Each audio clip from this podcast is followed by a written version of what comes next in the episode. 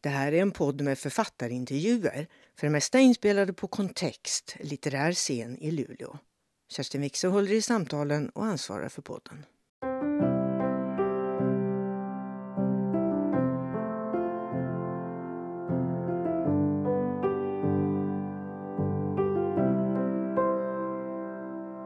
Välkommen tillbaka till Kontext, Malin, Tack. säger jag då. Tack så mycket. Vi gjorde en uträkning här i logen. Jag Ja. trodde det var två år sedan. Ja. Det var ju fel. Vad var det? Det var fem och ett halvt år sedan jag var här. Var det Någon som var här då? Ja, det var några. Bravo. Och jag. Ja, och, ja, och jag. Och vill man höra det samtalet, så vi kan ju passa på att säga det, så fin, ligger det faktiskt ute på... Vi har ju en podcast med alla, inte alla, men väldigt många kontextsamtal. Och vi lägger ju även ut det här samtalet. Så att där kan man också lyssna på fem och ett halvt år sedan. När jag var ung och oförstörd.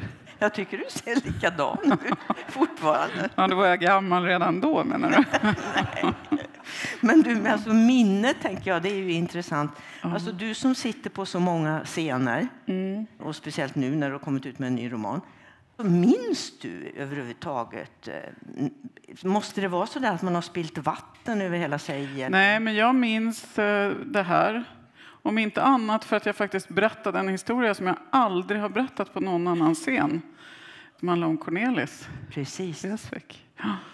Så Ja, så det kommer jag ihåg. Men det är sant att det, det kan ju gå... Men det här är ju en oförglömlig scen. Att, Mera, mera, mera.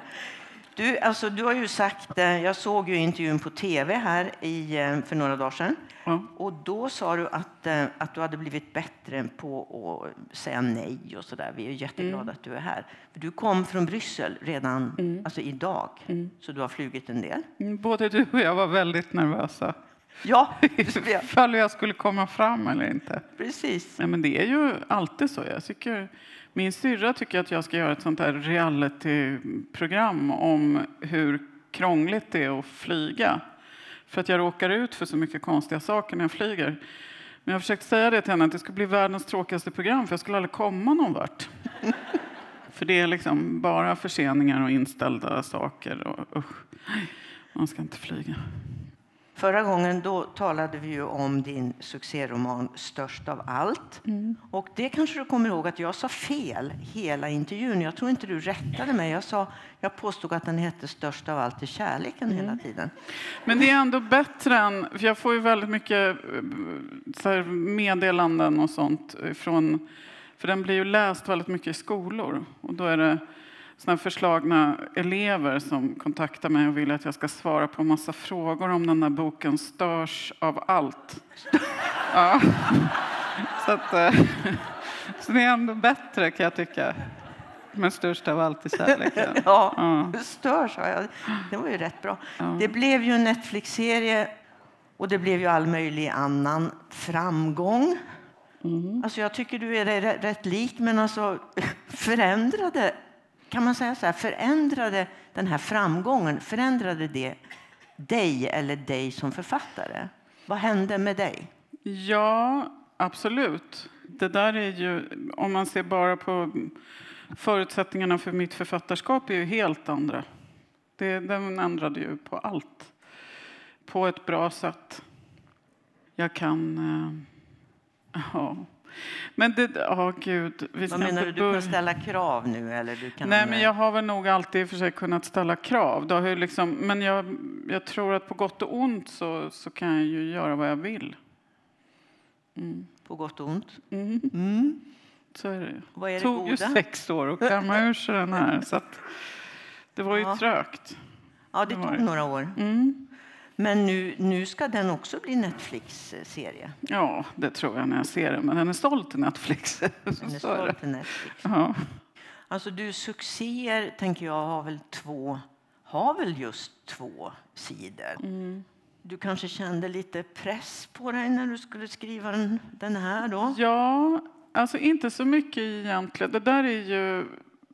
Jag var ju ganska stöddig i början och sa att liksom, det är ju bara roligt att någon vill läsa det man skriver för omväxlings skull. Att det är någon som liksom väntar på att man ska skriva mer och sådär. Och det är ju sant.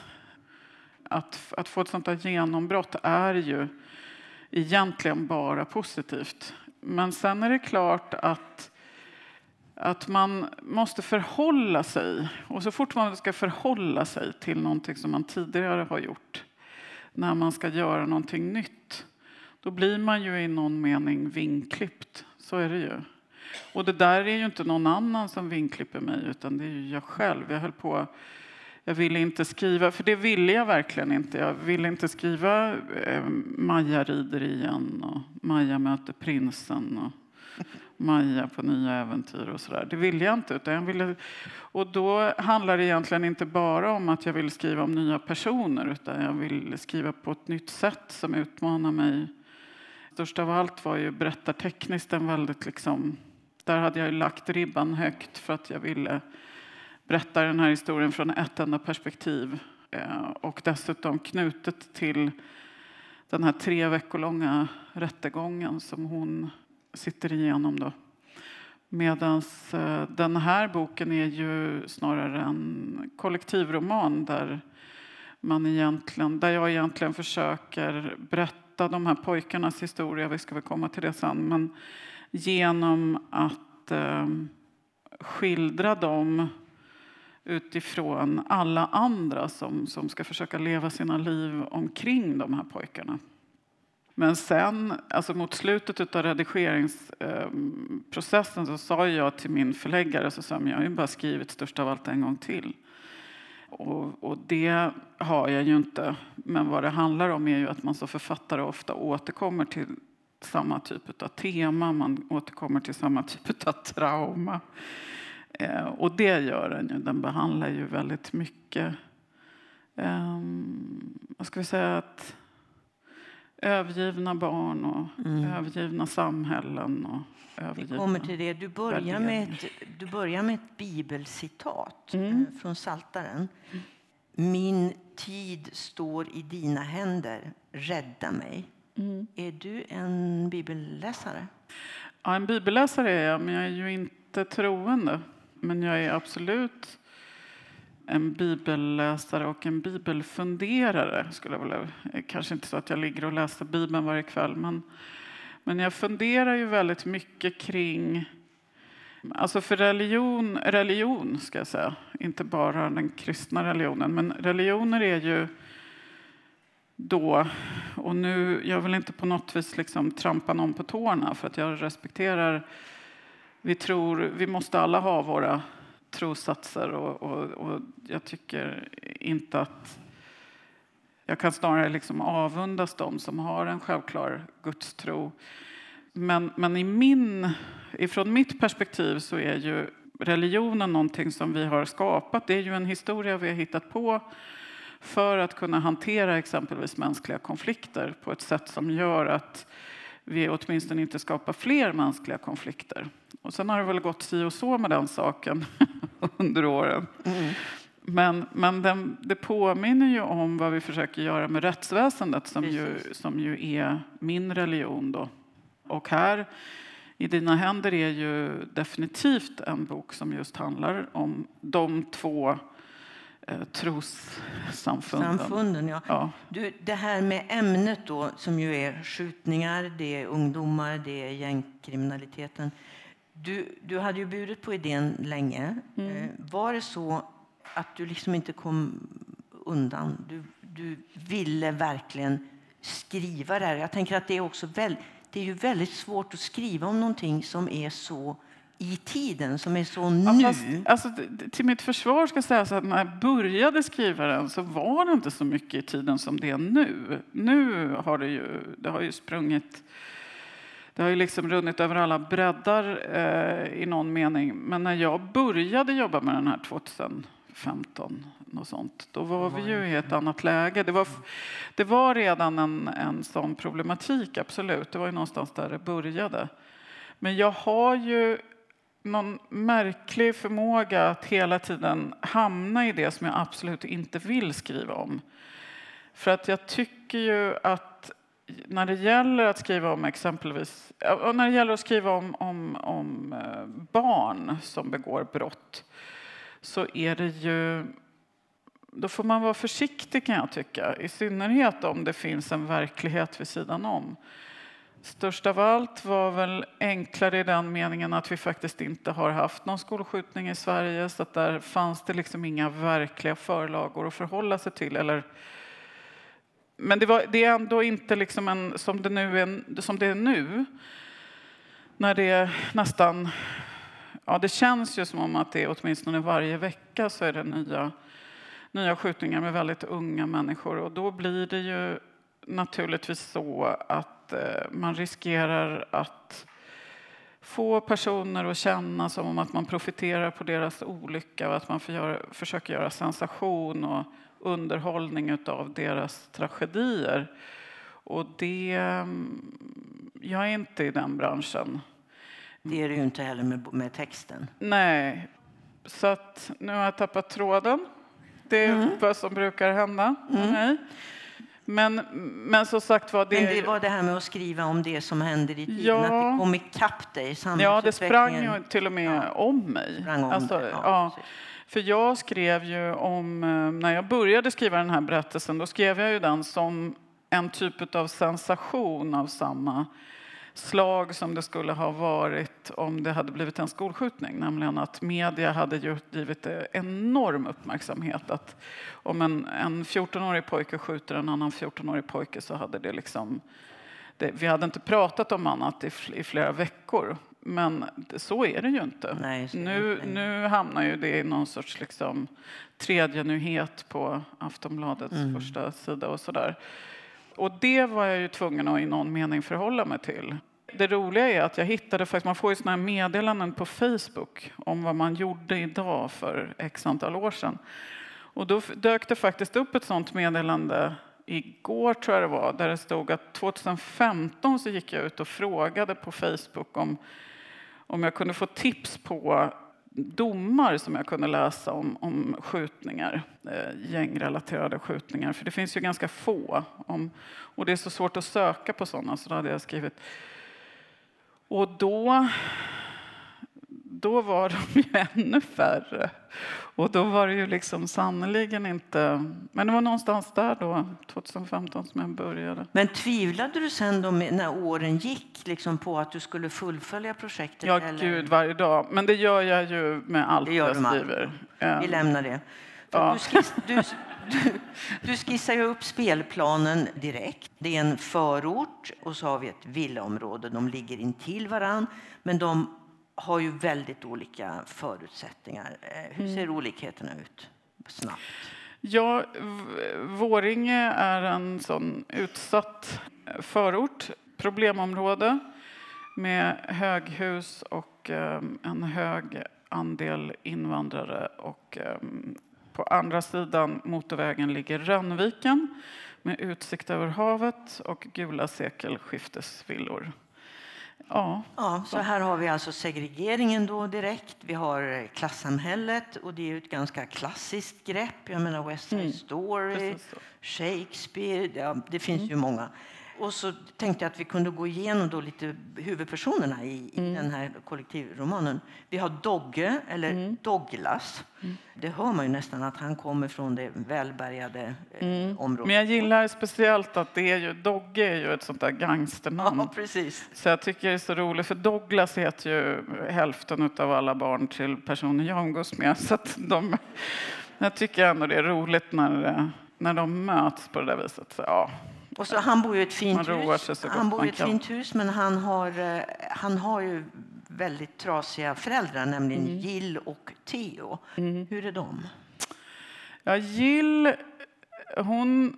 Alltså det är så svårt, vilket, jag har skrivit så mycket om Jill och Theo. Jag är oklar på hur mycket som är kvar i romanen, men jag tror att jag fortfarande säger att Jill är en sån där som Bruce Springsteen skriver sånger om.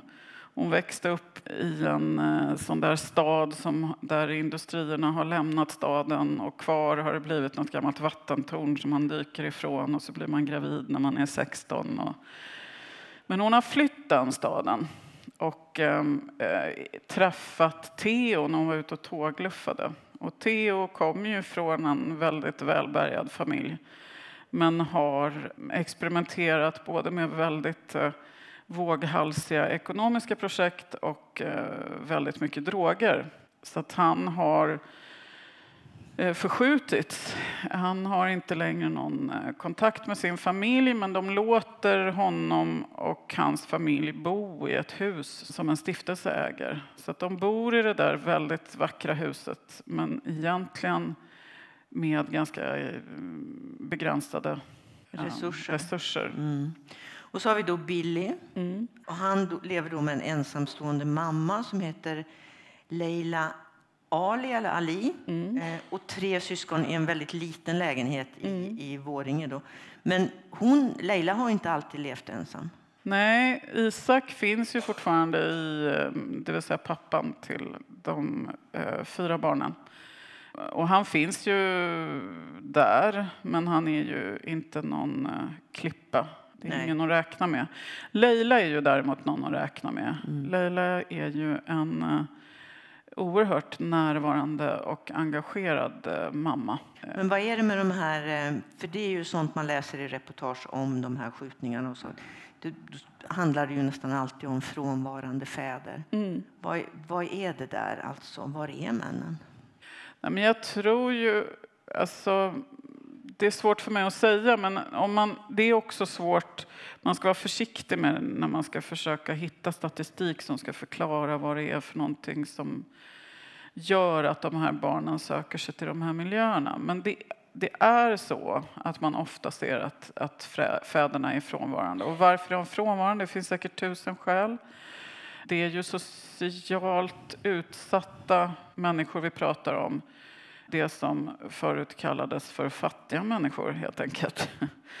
De har otroligt dålig ekonomi, de har väldigt sällan ehm, fast arbete, eh, någon fungerande yrkesverksamhet. Och det leder ju till en massa problem som säkert inte gör att det blir lättare att bli en bra förälder.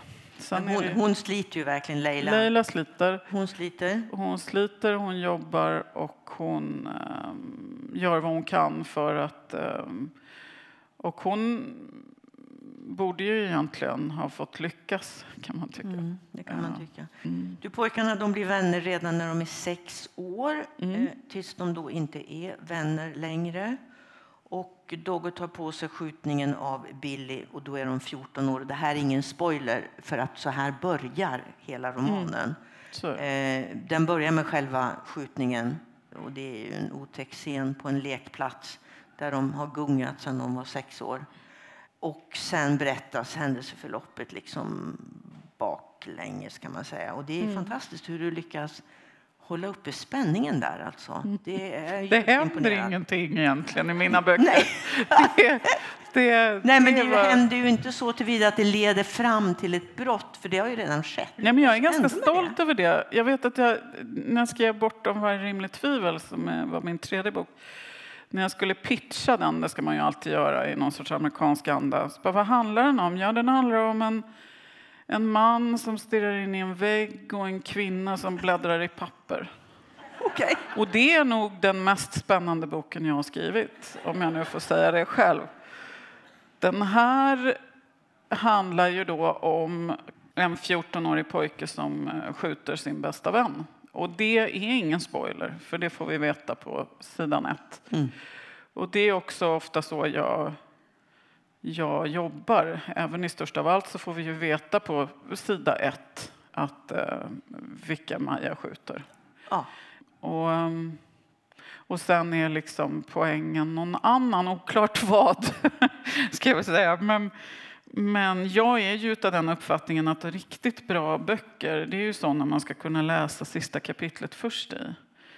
För att då, det är liksom inte upplösningen i någon mening som är... Nu tycker jag inte ni ska läsa första kap, sista kapitlet först, det är inte det jag menar. Men, men att, att behållningen i en riktigt bra bok är ju någonting annat än...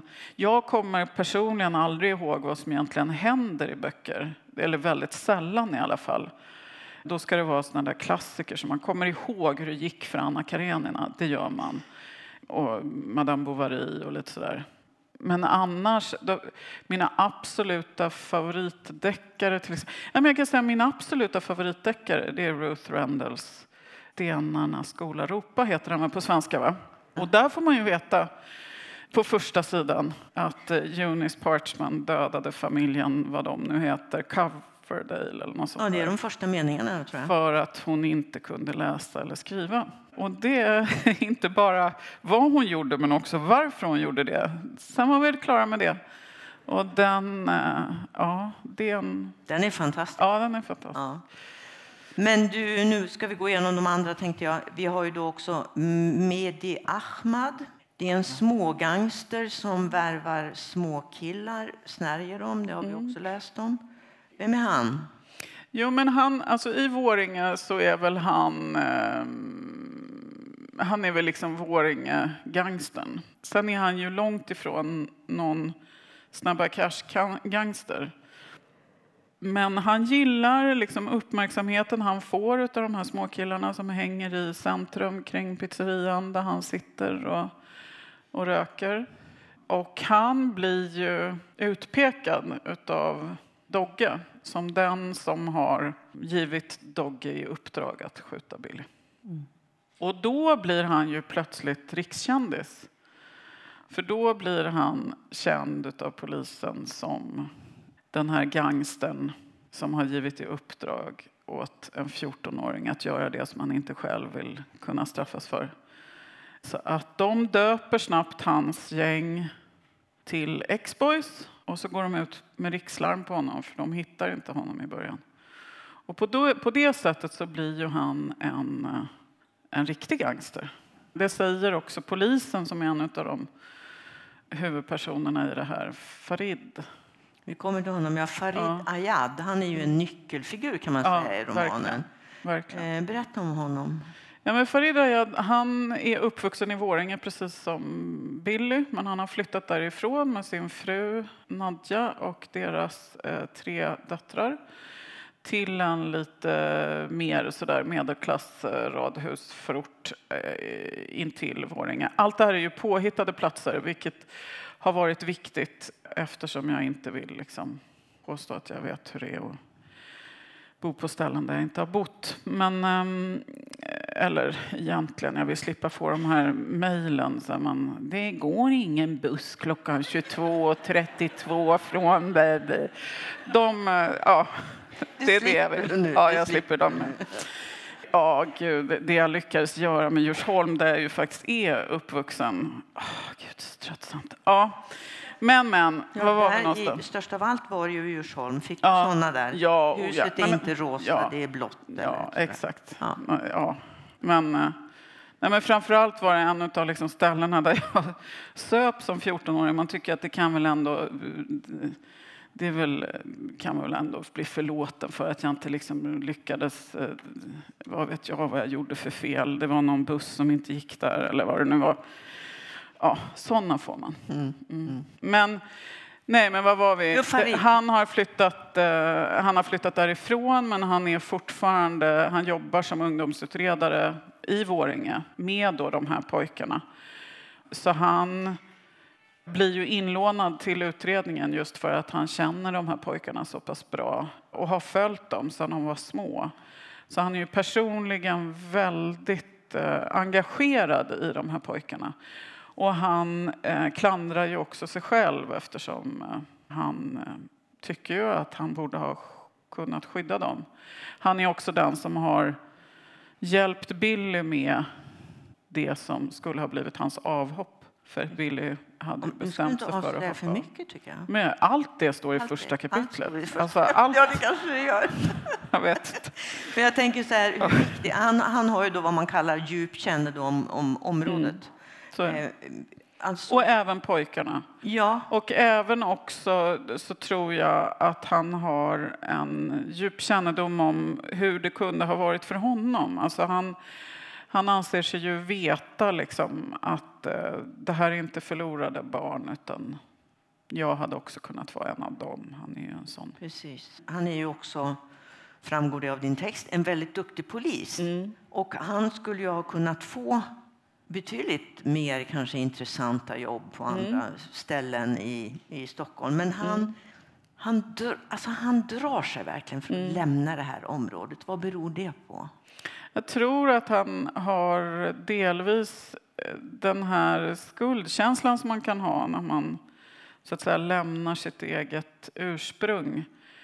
Han tycker ju redan att han i någon mån sviker varje gång han misslyckas. Och att det här är ett större svek då. Att han, om han då dessutom skulle... Jag tror att många, jag behöver inte nämna några namn, men många av oss som tycker att vi gör våra, det vi gör ganska bra eh, har ju svårt att lämna över kontrollen till någon annan. Jag tror att han uppriktigt sagt tycker att ingen är bättre lämpad än han. Vilket väl är sant? Vilket kanske är sant. Men det kan ju också faktiskt vara så att eh, det finns andra kapabla människor runt omkring honom också. Men Ja, så kan det vara. så kan det ju absolut Men hans fru, hans fru tycker nog eh, lite grann att han borde... Men hon förstår ju honom, men, Ja. men eh, tycker nog att han skulle kunna... Hon är ju gammal polis också. Hon har ju gått vidare i livet och blivit jurist.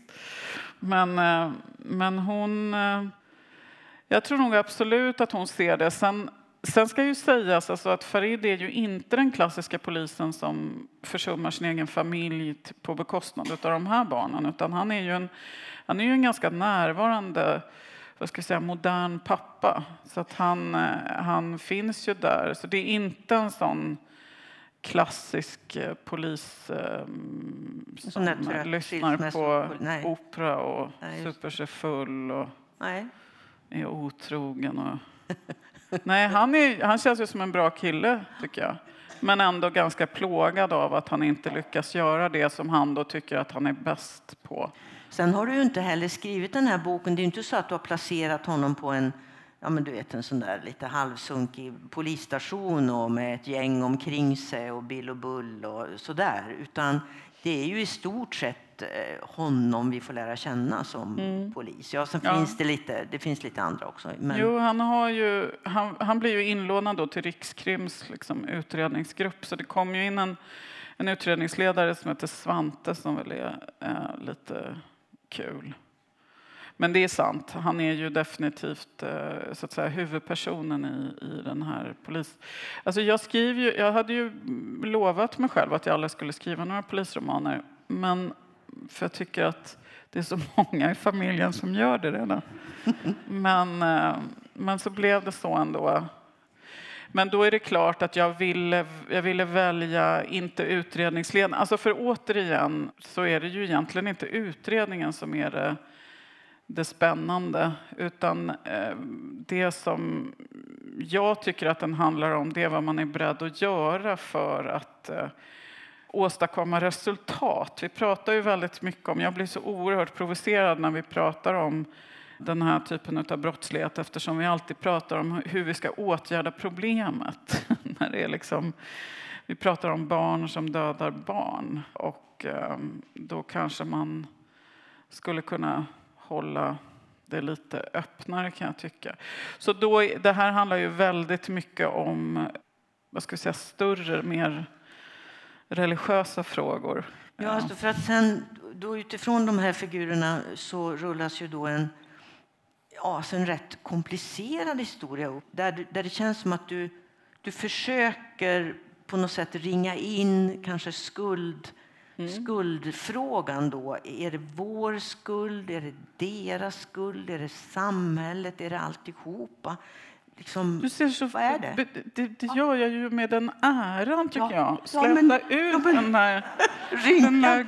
Ja, men vem? bekymmersrynkan. Det är ett fantastiskt romanbygge. Jo, det är ett Vilken fantastiskt romanbygge. otroligt, ja, vilken otrolig insats Men, för litteraturen. men har du något svar då?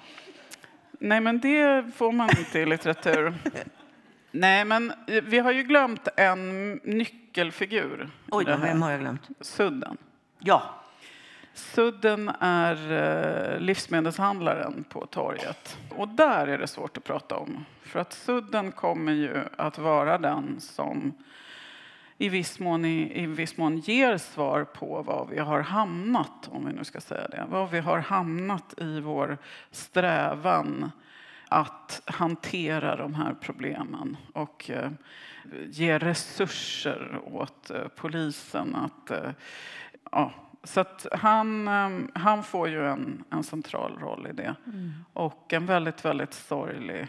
Det är väldigt sorgligt det som händer, ja. måste man ju ändå säga. När min bästa kompis hade läst boken så sa ju hon att det som gör boken så sorglig är inte att eh, de dör som dör, utan det är att du tar livet av din egen Gud. Och det måste man läsa boken för att förstå vad det betyder. Alltså, P.O. Enquist han brukade tala om smärtpunkter. Mm. Och då tänker jag att många i den här romanen är ju övergivna som du sa mm. förut. Är detta din, din, en av dina smärtpunkter? Mm. Du skriver ju ofta om mm. övergivna människor, mm. övergivna barn. Alla i den här romanen, nästan alla mm. är vuxna och barn är, mm. är övergivna. Vi räddar en del. Vad sa du? Vi, vi räddar ju ja, en del. Vi räddar en del. Eller um, den är inte sorglig på det viset. Nej. Det är inte så att den, det är liksom inte en Cormac McCarthy-roman där vägen in i mörkret är liksom...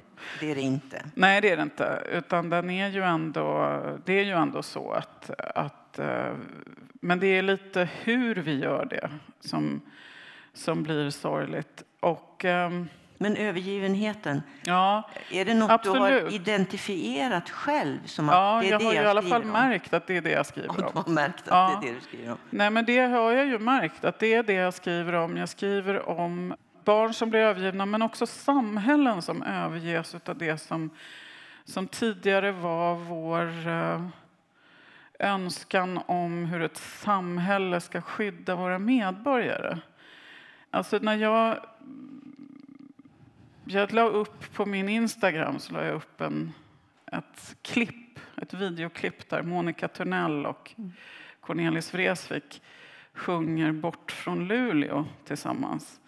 Och Monica Törnell är 17 år gammal och hon ja, det är så fantastiskt vackert så att man vet liksom inte vart man ska ta vägen. Hon sitter med en självklarhet på den här, i den här tv-sändningen. Det är första gången hon är med i tv och sjunger då tillsammans med Cornelis Vreeswijk som bara några veckor tidigare har liksom upptäckt henne på någon privat fest någonstans och bestämt sig för att han ska ge henne ett skivkontrakt. Och när jag tittar på det där klippet, det är som att titta på när drömmen om folkhemmet fortfarande levde. Det är så djupt sorgligt och så oerhört vackert på samma gång. För vi vet hur det gick.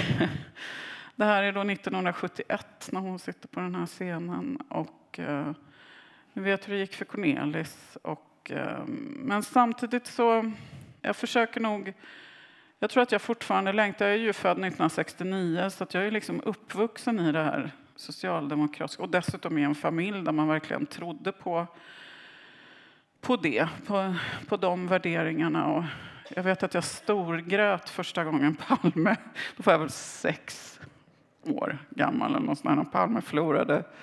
När borgarna vann valet första gången och fick jag grät jag mig själv till sömns.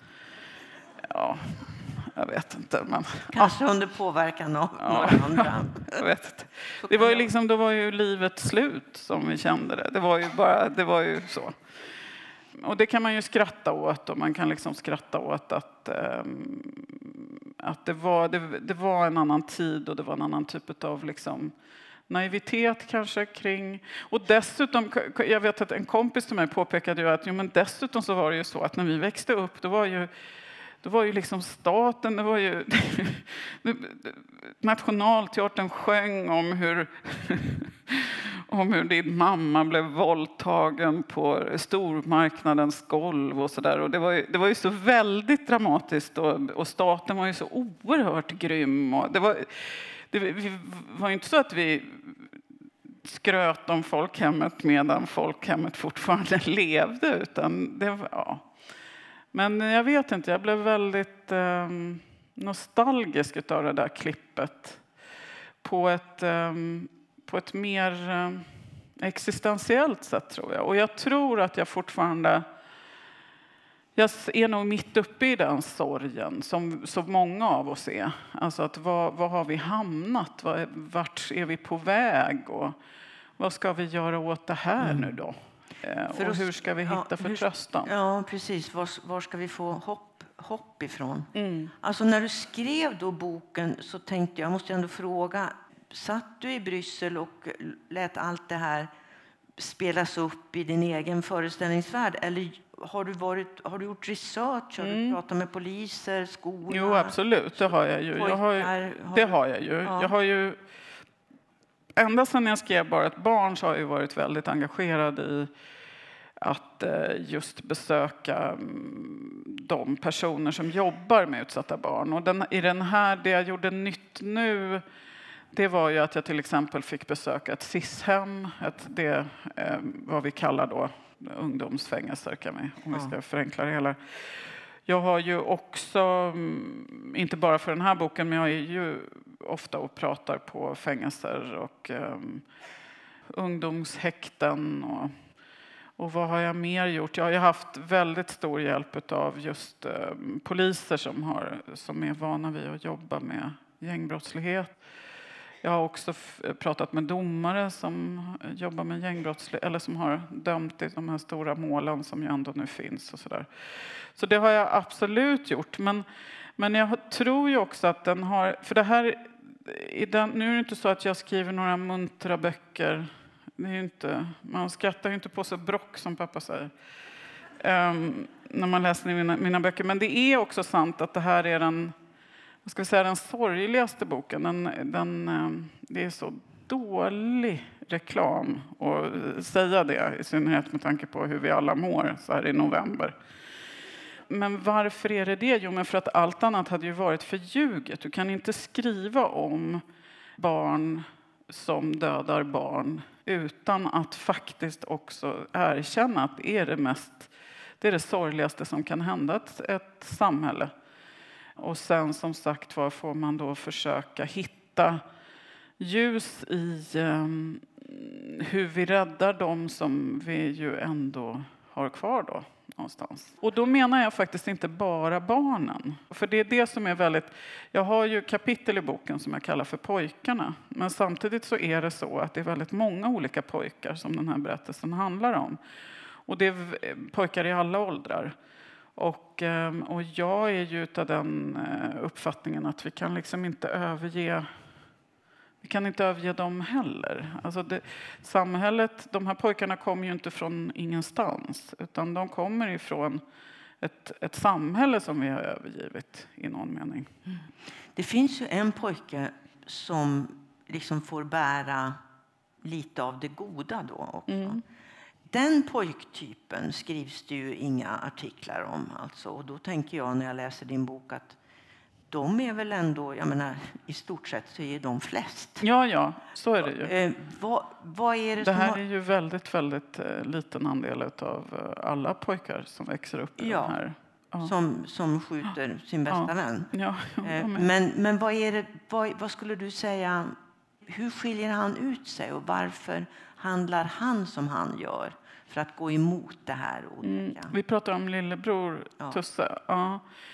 Nej, men eh, alltså återigen, nu är det ju så att de allra, allra flesta av de här pojkarna eh, hamnar ju inte här. Och det är ju eh, det är ju därför också det är så oerhört farligt att börja prata i generella termer om att så här ser det ut. För att de allra, allra flesta som checkar alla boxar på vad som möjligen kan leda till gäng. De mm. hamnar aldrig i gängbrottslighet utan de gör inte det. De, de sköter sig. Eller liksom, jag sköter mig ju inte. Så jag menar, jag vet inte. Sköter sig som folk sköter sig mest. Jag vet inte. Så, så vad gör han som utmärker sig? Nej, men han... Ja, varför gör folk som folk gör? Mm. Alltså, varför hamnar vi där? Nu blev det väldigt svårt att svara på. Jag vet ju inte. Nej. Jag vet inte. Jag, när jag skriver böcker, så det, det är ju sånt där hur, hur utvecklar du dina karaktärer? Liksom, hur lär du känna dina karaktärer och sådär? Jo, men jag försätter dem i olika situationer, brukar jag säga. Och sen så ser jag hur de reagerar. För någonstans är det så här, jag förstår ju mig knappt på mig själv. Det är ju ett livslångt arbete att försöka förstå sig på varför man gör som man gör. Och, och då vore det kanske förmätet att säga att jo, men det, det var det här som gjorde jag, tror, jag, tycker också att det ofta blir så otroligt klichéartat. När man, jag förstår det. Vi försöker, vi är människor, vi försöker alltid kategorisera och dela in. Och vi möblerar dockhuset och vi, vi liksom men, sorterar men, våra böcker i ja. alfabetisk ordning. I ja, alla men, fall om, om vi är fungerande människor, för det måste man göra. och så.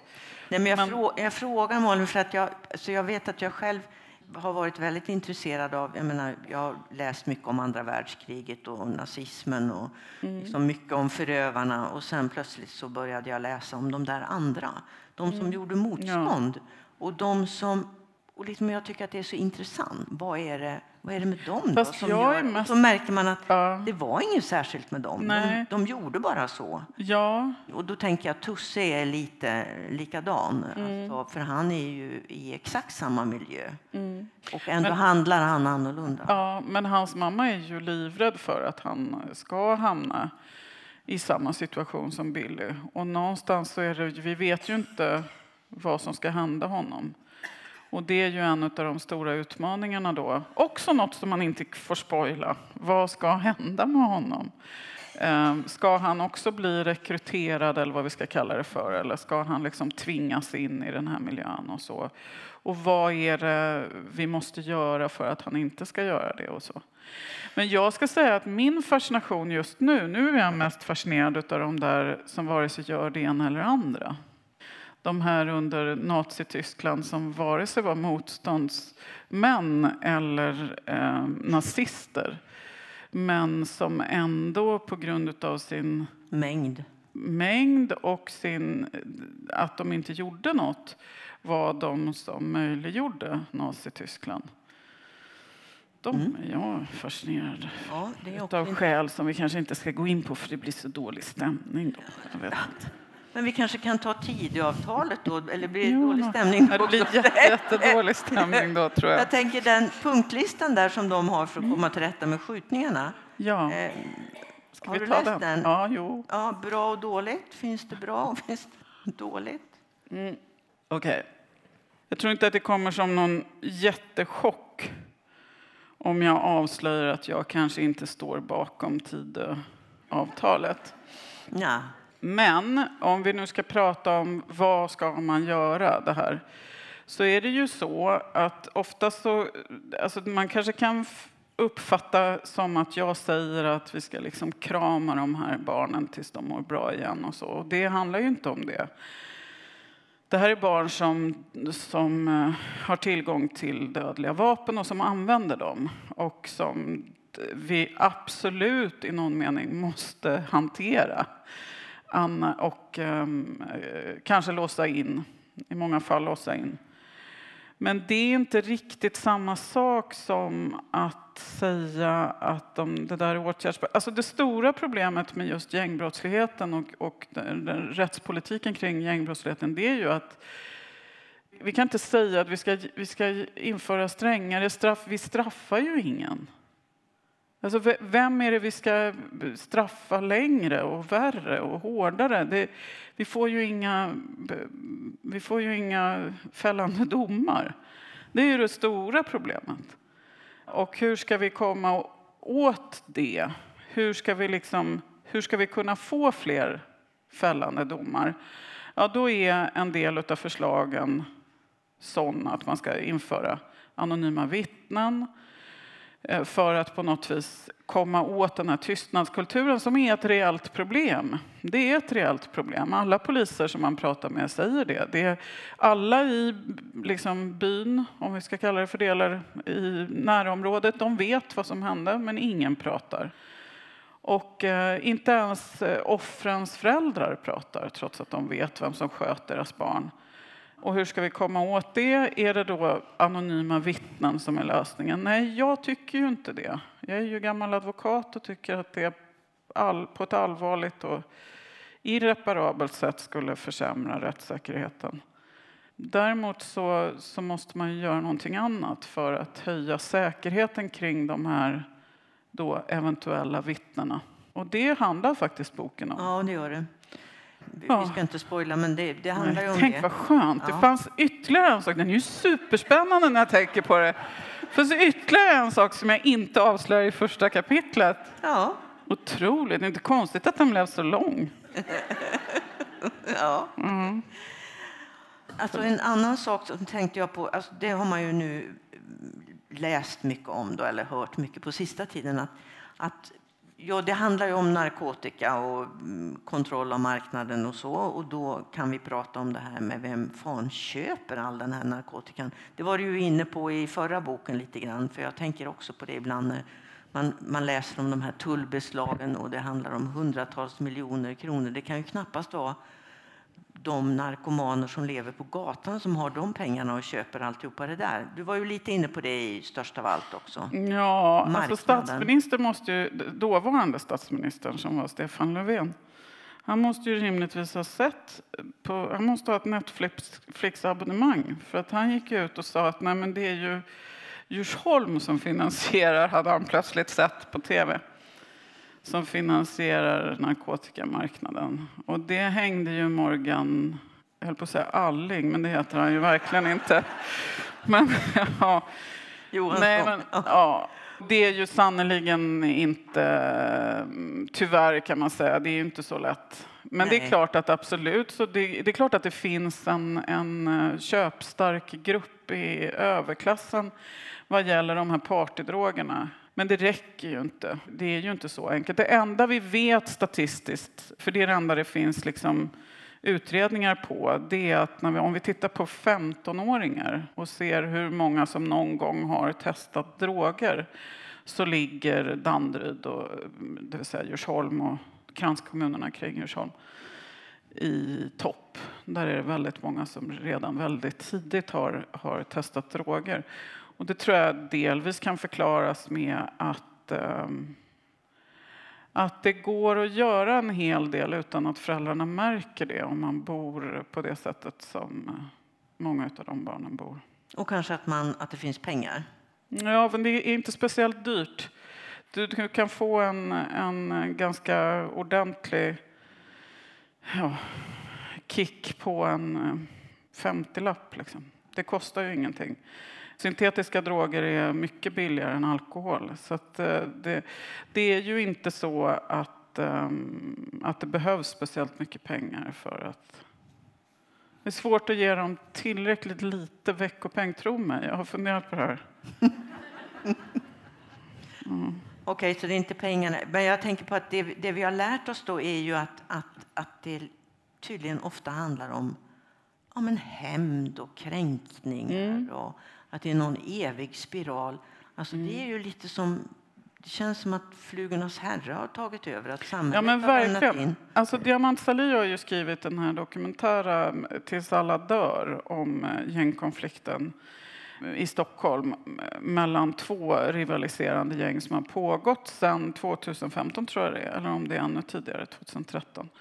Och där, där handlar det ju... Det är, ett, det är ett rån där några blir kränkta för att de inte får vara med trots att de tycker att de var med och planerade. Och då räcker det inte med att de får en del av rånbytet för deras, liksom, deras ära är kränkt. Och sen är det någon som likar ett eh, foto på någons flickvän på Instagram och då... Det är verkligen... Ja, Flugornas herre hade inte Instagram. Det, det Det är lättkränkta alltså, i- patriarkala... Ja, men precis. Och jag tänker också att du var inne på rättsväsendet förut. Det är ju det här rättsväsendet ska syssla med, alltså hämnd, vedergällning, Mm. Ja. alltså för att komma ifrån det här öga för öga, Ja. tand för tand. Men problemet med, ja, men problemet med, för det där har man ju också sett eh, och försökt eh, diskutera. Det finns också väldigt mycket dokumentärt eh, skildrat om hur vissa grupper i då det som om vi ska förenkla kalla det för klansamhällen. Där finns det ju en, en alternativ eh, Rättsskipning. rättsskipning där man kan gå till imamen och be att, att han förhandlar en liksom överenskommelse. Och det där är ju lätt att säga att så får det ju naturligtvis inte gå till, för det, så får det ju naturligtvis inte gå till. Problemet är ju bara att de här personerna som utför brotten, de har ju ingen respekt för sina föräldrars alternativa rättsskipningssystem och ingen respekt för eh, vår stats rättsskipningssystem. Utan de, där är det vilda västern på riktigt. Och, och, det som egentligen hade kunnat bli åtminstone ett komplement till vårt existerande rättssystem, det är att, att den religiösa samfundet går in och hjälper till och, och, och medla och försona och så. För det, är, det kan vara fantastiskt viktigt. Det kan vara fantastiskt fint att familjer där, det har, där liksom någon har blivit mördad och kanske någon annan blivit mördad som hämnd, att de, åtminstone de familjerna kan mötas och träffas. Och så. Det är ju fantastiskt fint. Så det ska man nog inte... Men problemet är som sagt var att det, det, de litar inte på, de, de förövarna litar inte ens på det. De har ingen respekt för sin föräldrageneration heller.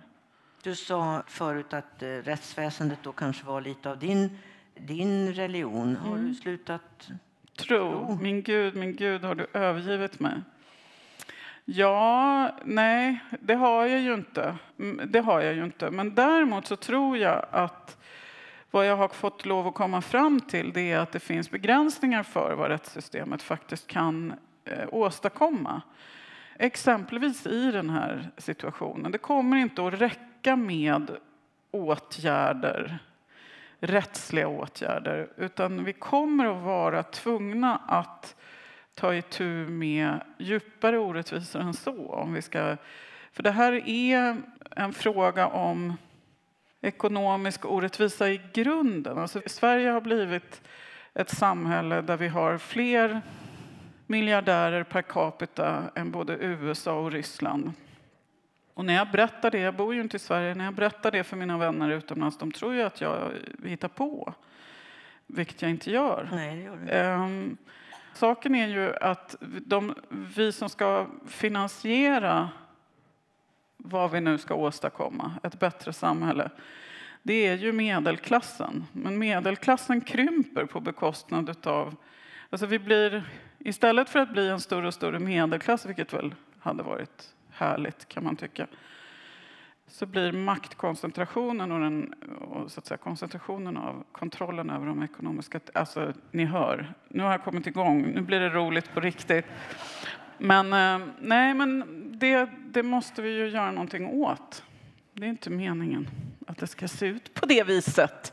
Nej, och det är, men det är ju heller inte, du skriver ju heller inte romaner för att um presentera liksom färdiga lösningar. Ja, fast jag börjar undra. Alltså, är det, är det? Ja, jag börjar undra egentligen vad jag gör. Jag vet att, um, att jag alltid brukar säga... Alltså man brukar ju värja sig mot det. det här att Men du är lite inne på att det kanske ja, är det du håller på med? Alltså jag läste, på väg till bokmässan så läste jag en, en bok som, ska se, nu har jag dessutom glömt vad den heter, Mitt kvarter heter den.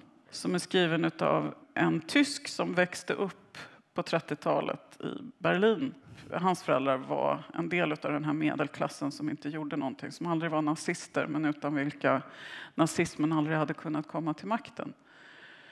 Och den boken inleds med ett eh, citat av Bertolt Brecht som jag alltid har använt som ett skräckexempel på hur otroligt jobbigt det blir med politiska författare.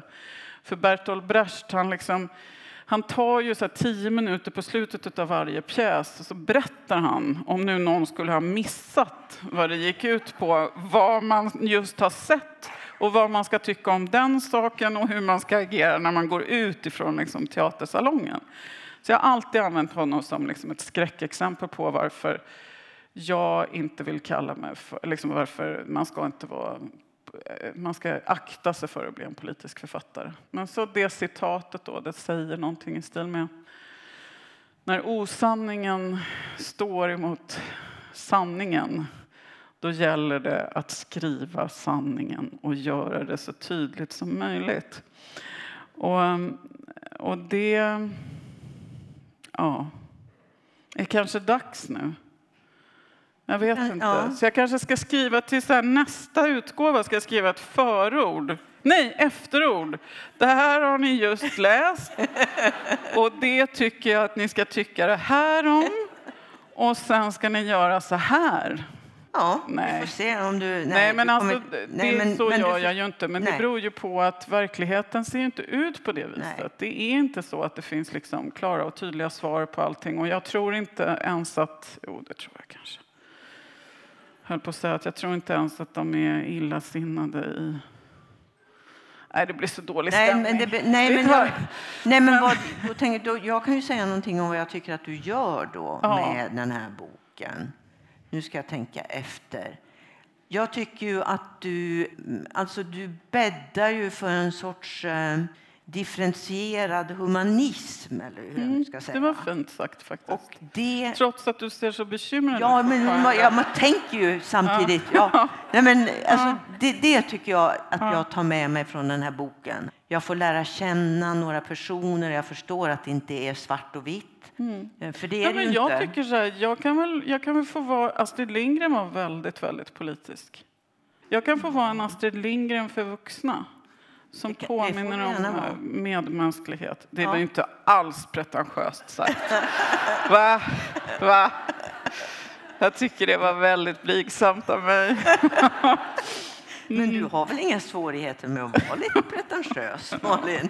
Eller ta, ta för oh, dig. Herre Jesus. Det är du ja. lite bra på. Ja, på scen så får man lov att ta för sig. Sen kommer man hem till, till, barnen som inte lyssnar på en och mannen som inte bryr sig om en längre. Och så Vad ska man göra då? Hur, det hjälper ju inte. Man kan vara hur pretentiös som helst. Hallå! Astrid Lindgren för vuxna! Ingen lyssnar. Ingen är hemma. Ingen bryr sig om mig. Du är övergiven av allt och alla.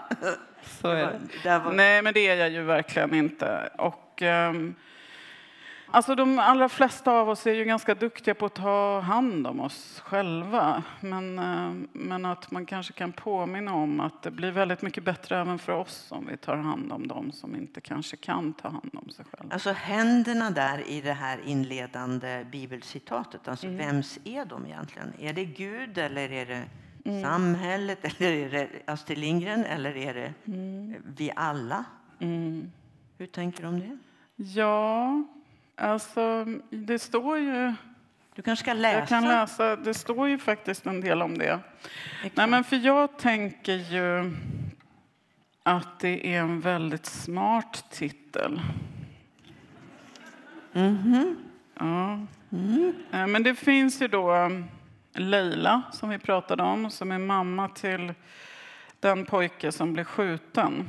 Och hon säger så här. När jag kom till Sverige, jag lärde känna en kvinna på Svenska kyrkan. Hon hette Silke och var från Tyskland och gift med en svensk. Vi var gravida, jag väntade Billy och hon väntade sin flicka. Vi pratade inte mycket religion, bara ibland, men hon berättade om en psalm. Hon sjöng den för mig. Du kan inte falla djupare. Jag kommer inte ihåg exakta ord. Du kan inte falla djupare än Guds hand. Han skyddar mig, han fångar upp mig. Kan du den salmen? Farid skakade på huvudet. Jag tror inte på Gud. Nej, men tror du att vi måste skydda? Om någon faller är det vår skyldighet att fånga att Guds skyldighet är vår skyldighet, att vi måste försöka göra så likt honom som vi bara kan. Ja, det tror jag nog. Då tror vi samma. Leila fortsatte. Jag tror också att Gud tar emot den som faller, men vi människor måste finnas där för att göra samma. När Gud inte hon höll fast Farids blick. Vi måste fånga barnen som faller. Det är vår skyldighet. Billy var mitt ansvar. Jag räddade inte honom. Jag kommer aldrig förlåta mig för det. Hon harklade sig. Jag måste leva med det för att fortsätta. Jag måste rädda mina andra barn. Jag kan inte göra annat och du måste hjälpa mig. Det är ditt ansvar. Gud tar inte bort vårt ansvar. Han gör så att det syns mer. Han förklarar vad vi måste göra. Han fångar barnen åt Gud. Mm. Mm. Det där hade ju... Mm.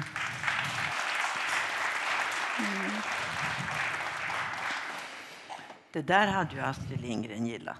Mm. Det jag säger ju det. Mm.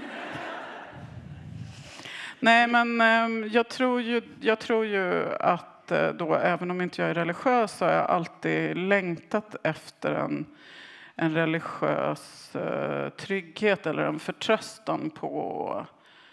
Alltså det tror jag vi alla människor längtar efter eller vill kunna känna. Alltså en förtröstan om att det kommer att lösa sig trots allt.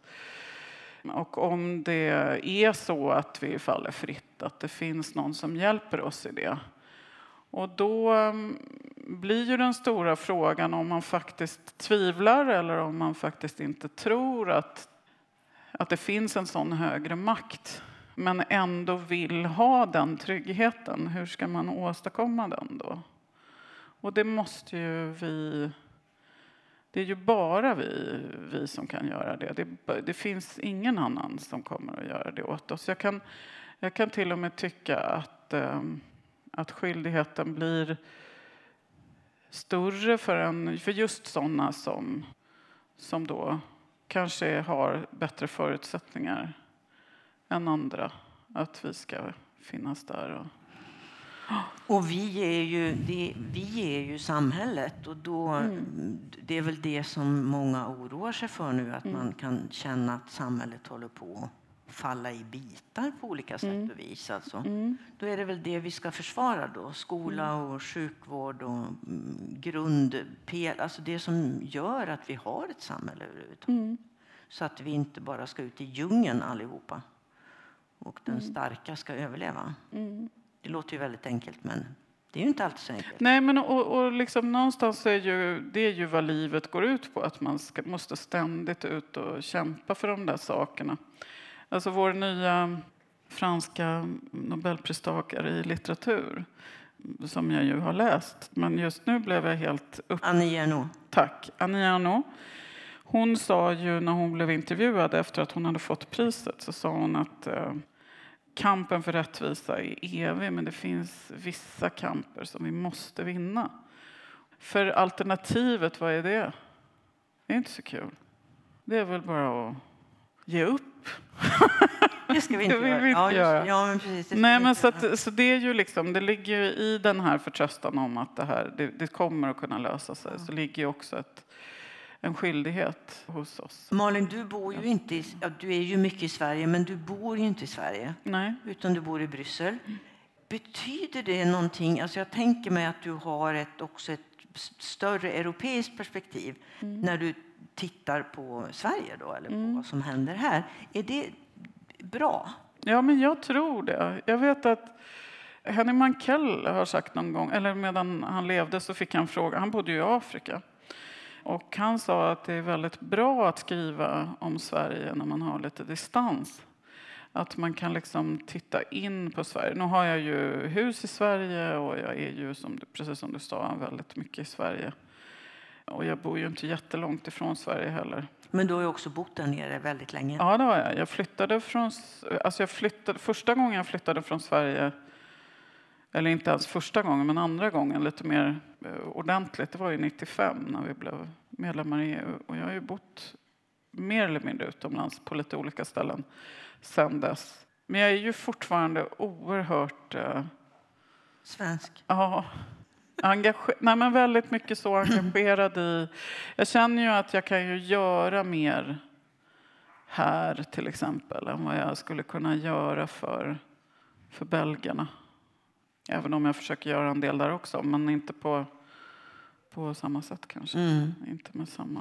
Men du har alltså din stora familj, tre flickor har ju du. Mm. Är de kvar hemma, någon av dem? Ja, en har jag fått tillbaka.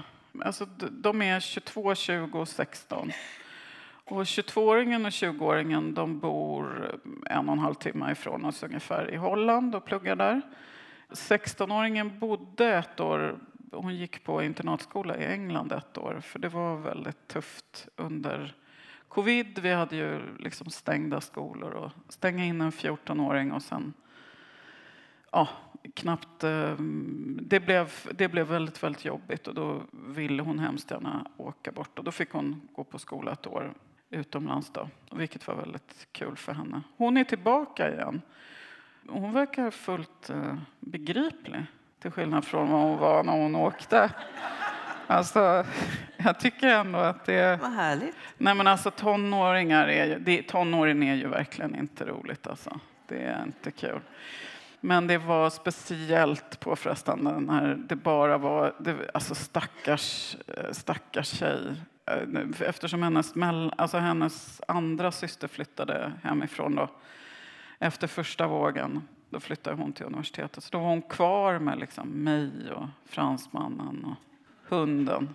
Och så instängd och alla aktiviteter nedlagda.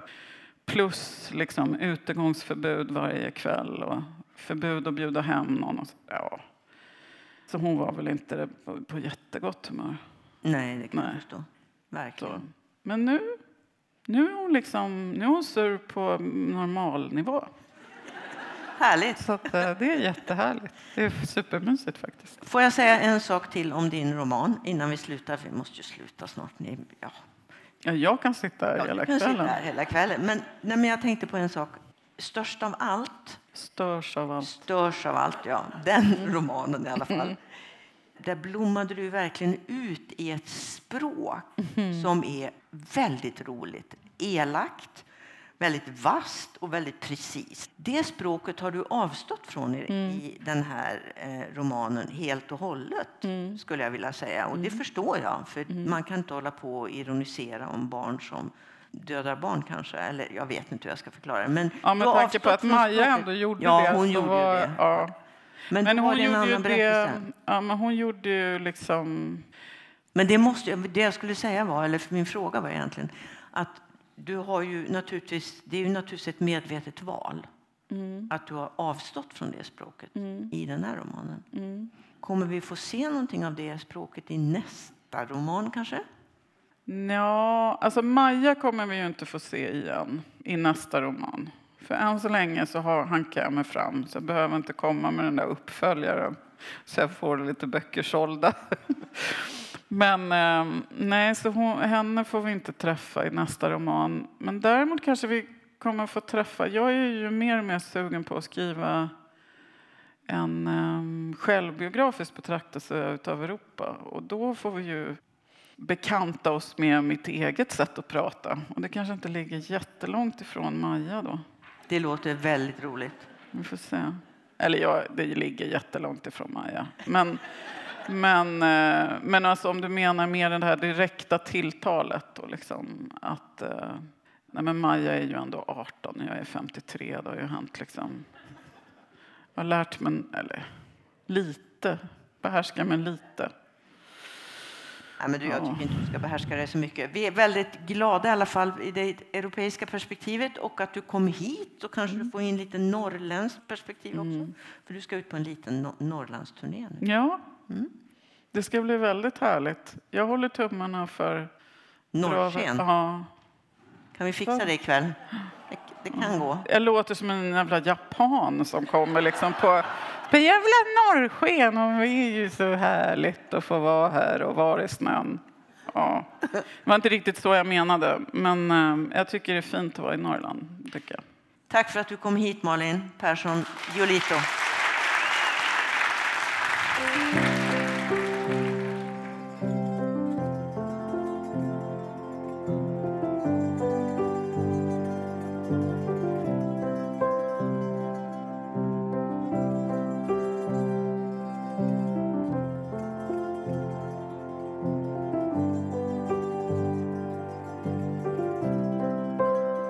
Kontext Podcast produceras i samarbete med Kontext, litterär scen i Luleå.